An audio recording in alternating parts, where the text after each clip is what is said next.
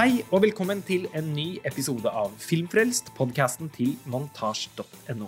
Mitt navn er Lars Ole Kristiansen, og jeg sitter her på Skype sammen med Pernille Middleton. Hallo! Hallo.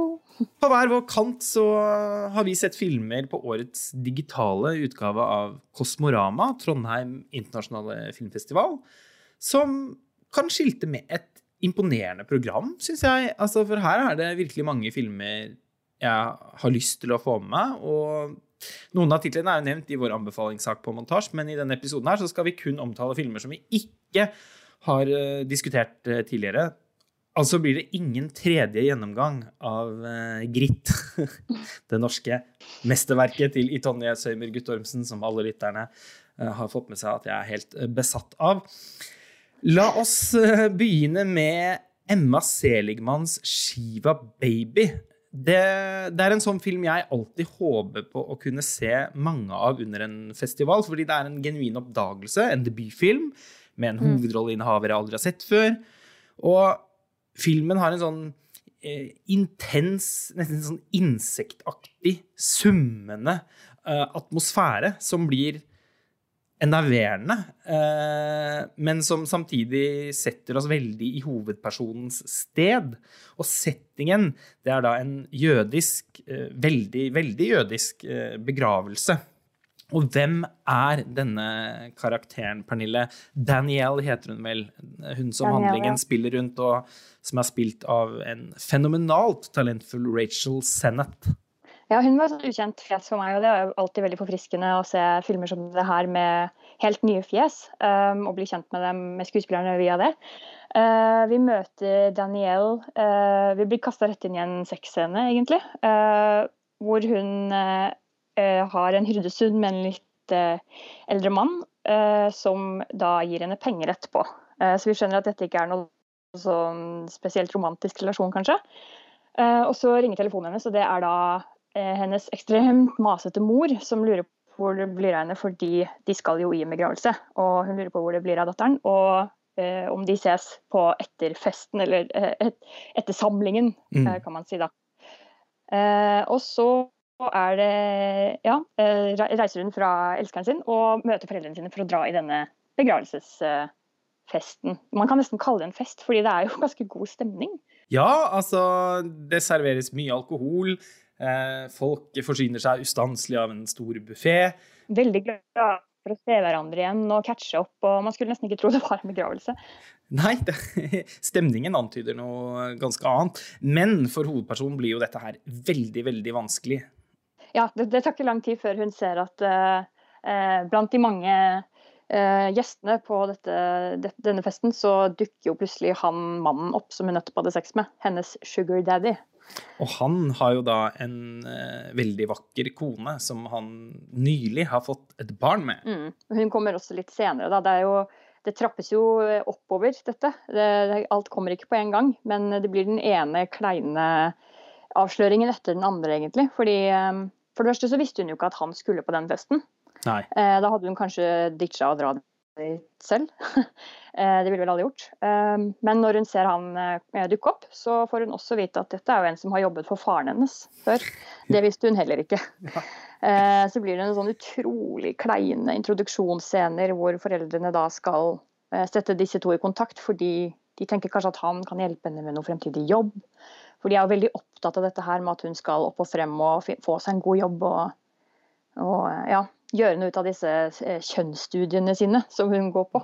Ja, de litt sånn vage, ulne studiene som høres ut som eh, noe som i alle fall ikke blir en sikker vei inn i arbeidslivet.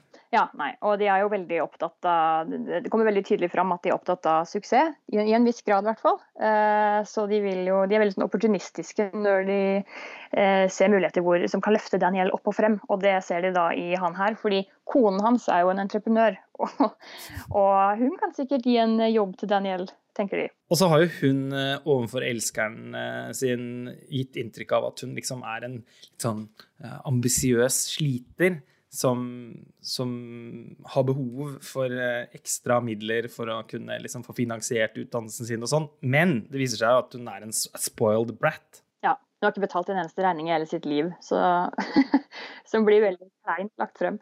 Ja, det, det, blir jo liksom også et slags karakterdrap her. Eh, minutt mm. for minutt.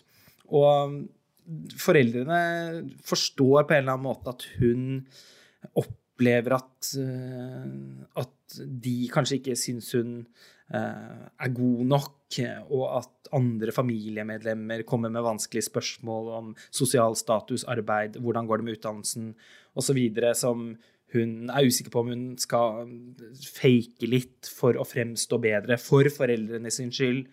Eh, på samme tid da, som det som gjør henne mer og mer eh, frustrert i den situasjonen, jo er noe helt annet som foreldrene ikke har noen som helst idé om.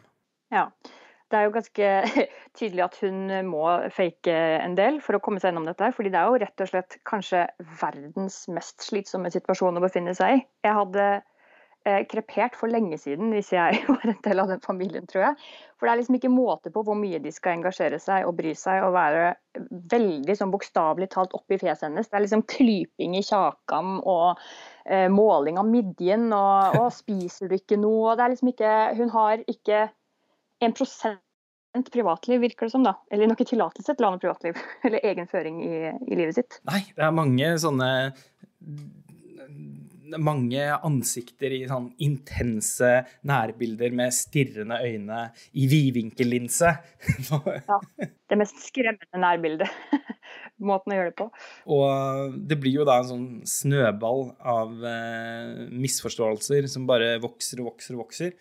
Og filmen varer bare i en time og et kvarter, men oppleves veldig, på en måte eh, veldig sånn komprimert. Det er på en måte en nokså enkel idé og den er kanskje litt uforløst eh, til slutt, som et karakterdrama, men som en sånn ensemblefilm så fungerer den veldig bra, syns jeg. Mange, ikke minst så er det mye sånn umiskjennelig jødisk humor her, som jeg i alle fall setter stor eh, pris på.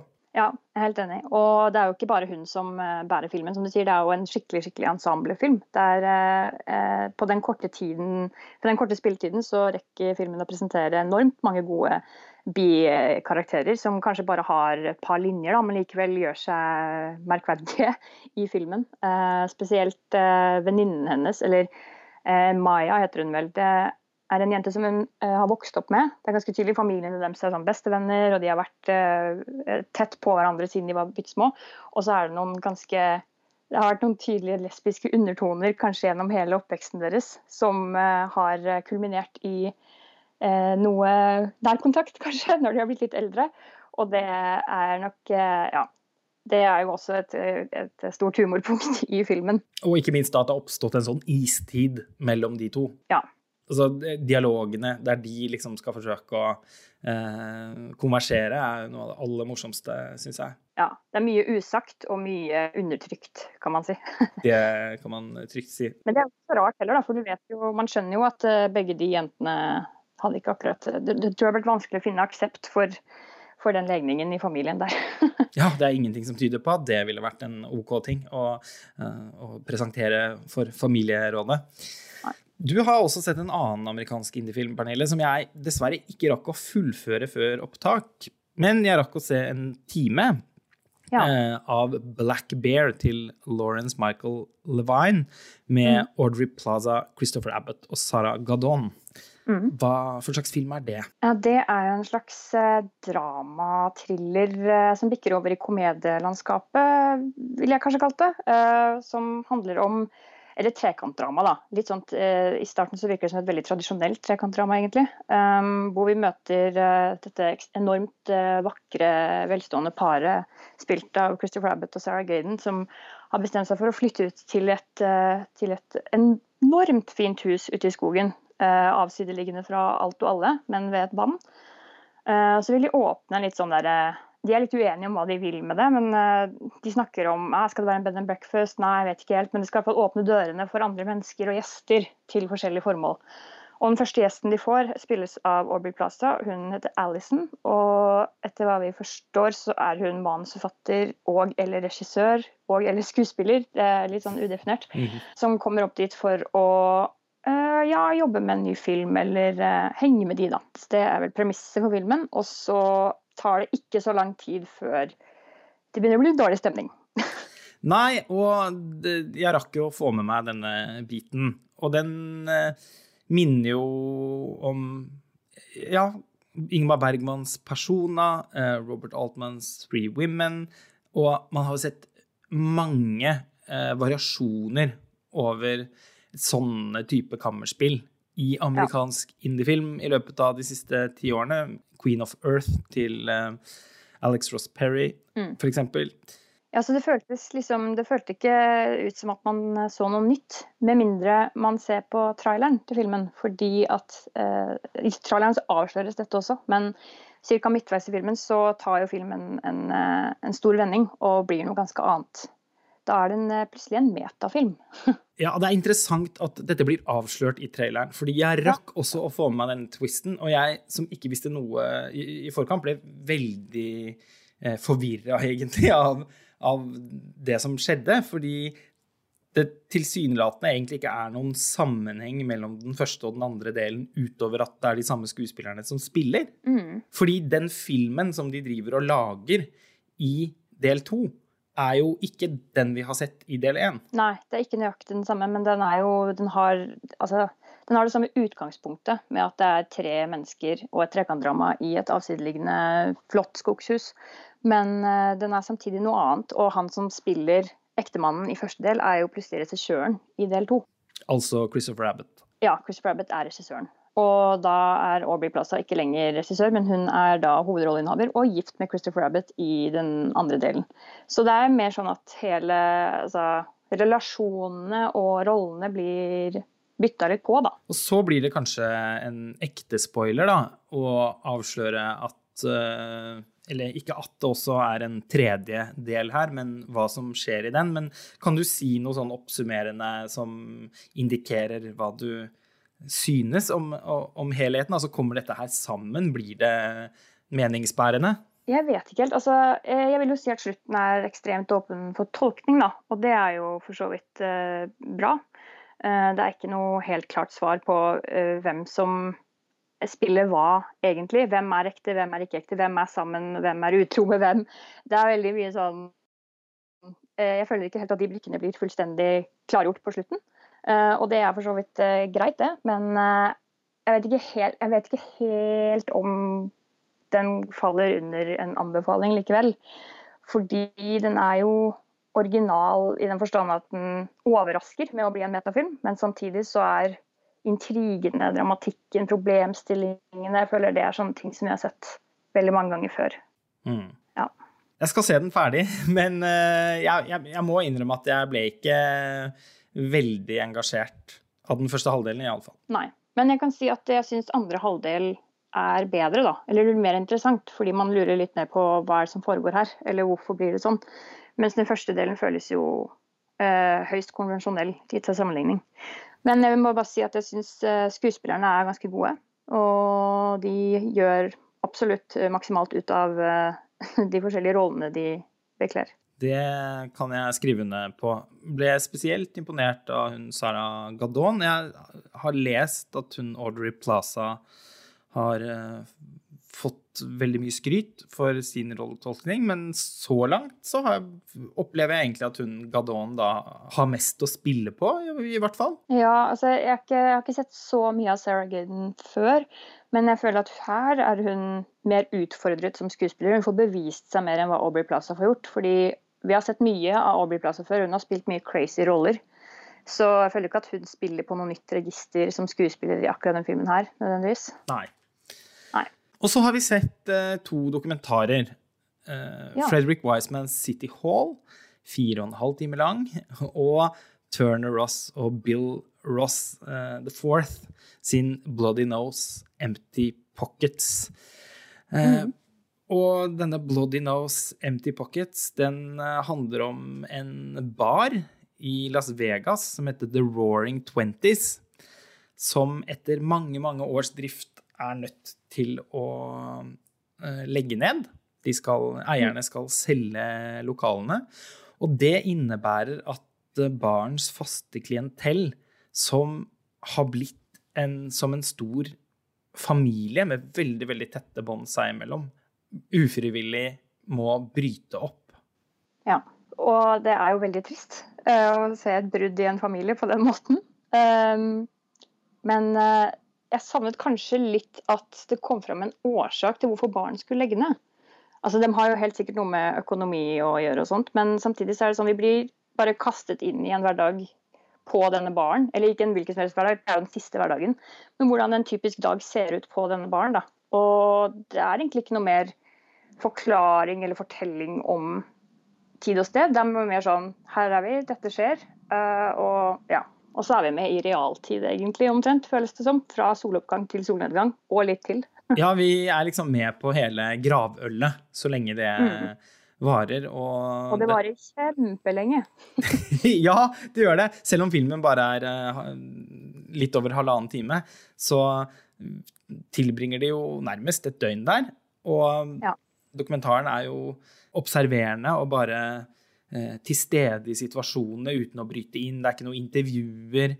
Vi bare liksom deltar og overhører samtaler som foregår Eh, rundt bardisken og i noen av de sofagruppene bakover i lokalene. Mm. Men klarer likevel å bli ganske godt kjent med de forskjellige personlighetene, syns jeg. Mm. Og det er egentlig ganske imponerende, for dette er jo folk som Det er jo nesten bare masse sånn fylla-prat. Uh, og det er kanskje første gang i mitt liv jeg har sett en film hvor det ikke har brydd meg, eller ikke irritert meg at ikke jeg hører hva som blir sagt.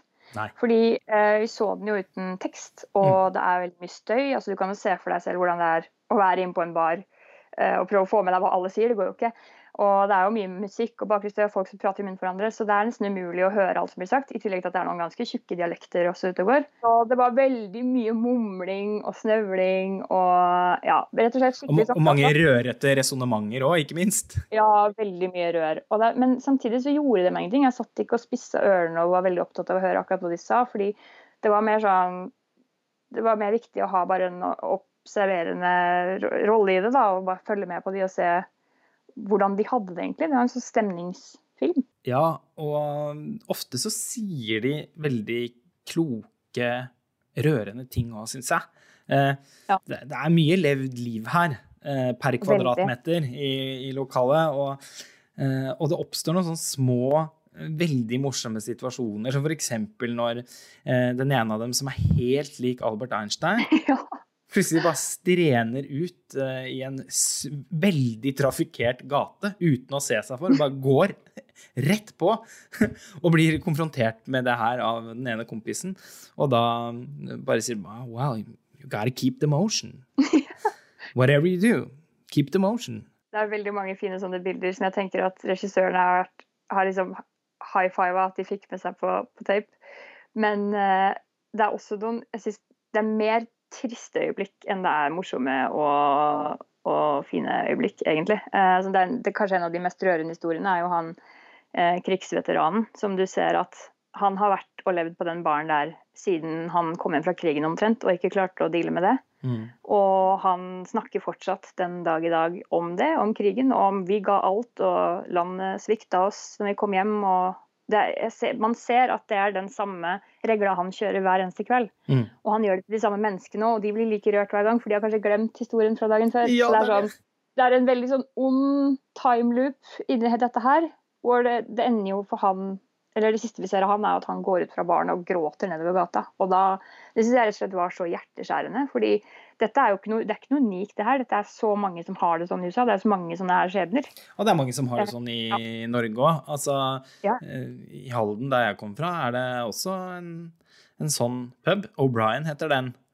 Og mm, det Bloody Nose Empty Pockets eh, kaster lys over, er at noen sånne steder faktisk er ganske viktige institusjoner i samfunnet. Fordi de tar vare på folk som ikke har, annen, har tilhørighet noe annet sted. Og at de kan finne sammen og etablere vennskap og oppleve omsorg og nærhet, det, mm. det gjør faktisk livene deres veldig meningsfylte, på tross av at de drikker seg fra gård og grunn.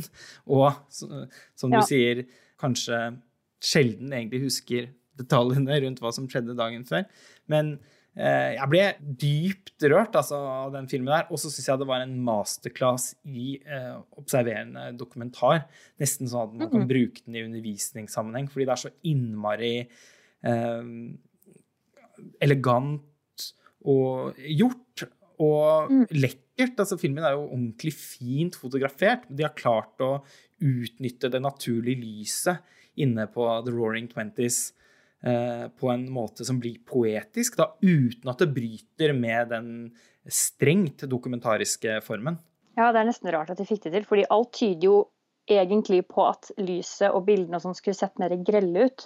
Men det er noe med det her med det røde, eh, røde lyset bak bardisken, i kontrast med gate, lyset fra gatene fra vinduet og liksom grønnskjæret. Det er en kollisjon der som gjør at menneskene som sitter i midten av denne kollisjonen rundt bardisken, det bare, de blir lyssatt på en sånn spesiell måte som er veldig vakker, da, som du sier. Og oppi dette her så er det jo ja, rent tematisk, det er et menneskestudie, rett og slett. Mm. Om, eh, ja, om fortapte skjebner og om fellesskap og ja, som du sa, viktigheten eh, rundt disse barene. som vi som ikke henger på bar 24-7, kanskje kan finne på å fnyse av og tenke sånn at det henger masse alkoholiserte folk der. Det man kanskje ikke tenker på da, er jo at ja, men de som er der, det er kanskje det eneste fellesskapet de har, da. Og mm. det syns jeg denne filmen skildrer på en veldig ja, dypt rørende måte. Ja, og, og så er det liksom sterke bilder. Eh, det er eh, Altså, fotografen er vanvittig god da, på å eh, utnytte seg av både lokalene og eh, karakterene, da, for de er jo noen skikkelige typer, og også rent visuelt. Altså, mm. har, Mange av de har litt sånn styggvakre kvaliteter ved ansiktene sine. Ja. Og, de, og, og, de, bærer preg av at de har vært ute en sen natt uh, mang en gang, kan man si. Ja. Et par innslag av litt sånn interessant fashion inni her òg. ja. ja. Nei, den eh, kan jeg ikke få fullrost uh, nok. Og så har vi jo da også sett uh, Frederick Wisemans City Hall, Eh, som sagt fire og en halv eh, time lang, og det er jo derfor unødvendig å påpeke at den er forbeholdt tålmodige sjeler. Jeg kan jo si at den i to runder.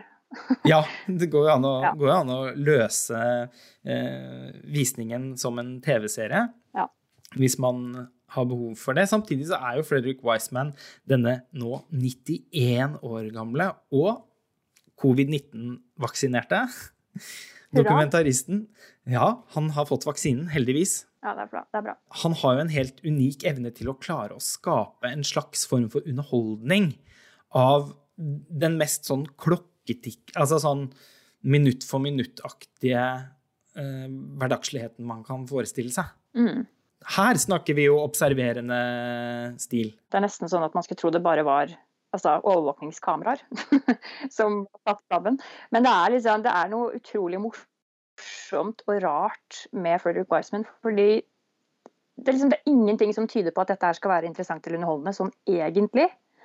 Og jeg, synes, jeg er jo liksom overraska over at jeg, over jeg syns det er underholdende, men jeg kan ikke noe for det. Det er bare noe med den, den sånn urobserverende dokumentarformen som gjør at jeg blir sånn nysgjerrig på ja, så, sånne, det, det, virkelig trivielle liv, da. I et sted og i en tid som er veldig ukjent for meg. Som nå, eh, i dette tilfellet i City Hall, og befinner oss i Boston. Så for Frederick Wiseman, jeg tror han er vel fra Boston òg, så dette er vel hans eh, homasj og kjærlighetserklæring til hjembyen sin. Og den minner jo da om mange andre filmer han har laget. Han er jo liksom en sånn kronikør av amerikanske miljøer og institusjoner. Eh, og han er jo ikke overraskende eh, mer interessert i menneskene og situasjonene mellom dem enn omgivelsene. Altså, mm. det er jo noen parker her og noe, noe brutalistisk arkitektur der. men, men ja. eh, jeg har vel sjelden opplevd en film som i så eh, konsekvent grad eh, oppholder seg innendørs.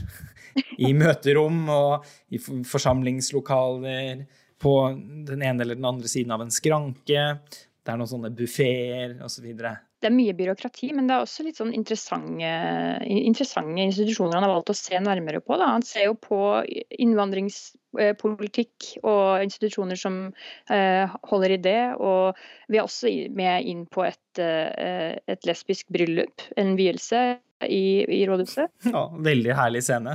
Ja, den er kjempefin. Eh, så det er jo litt det at han, han, han er jo flink til å være selektiv på å velge de tingene som er eh, litt sånn oppløftende og rørende å velge å ta med òg, da.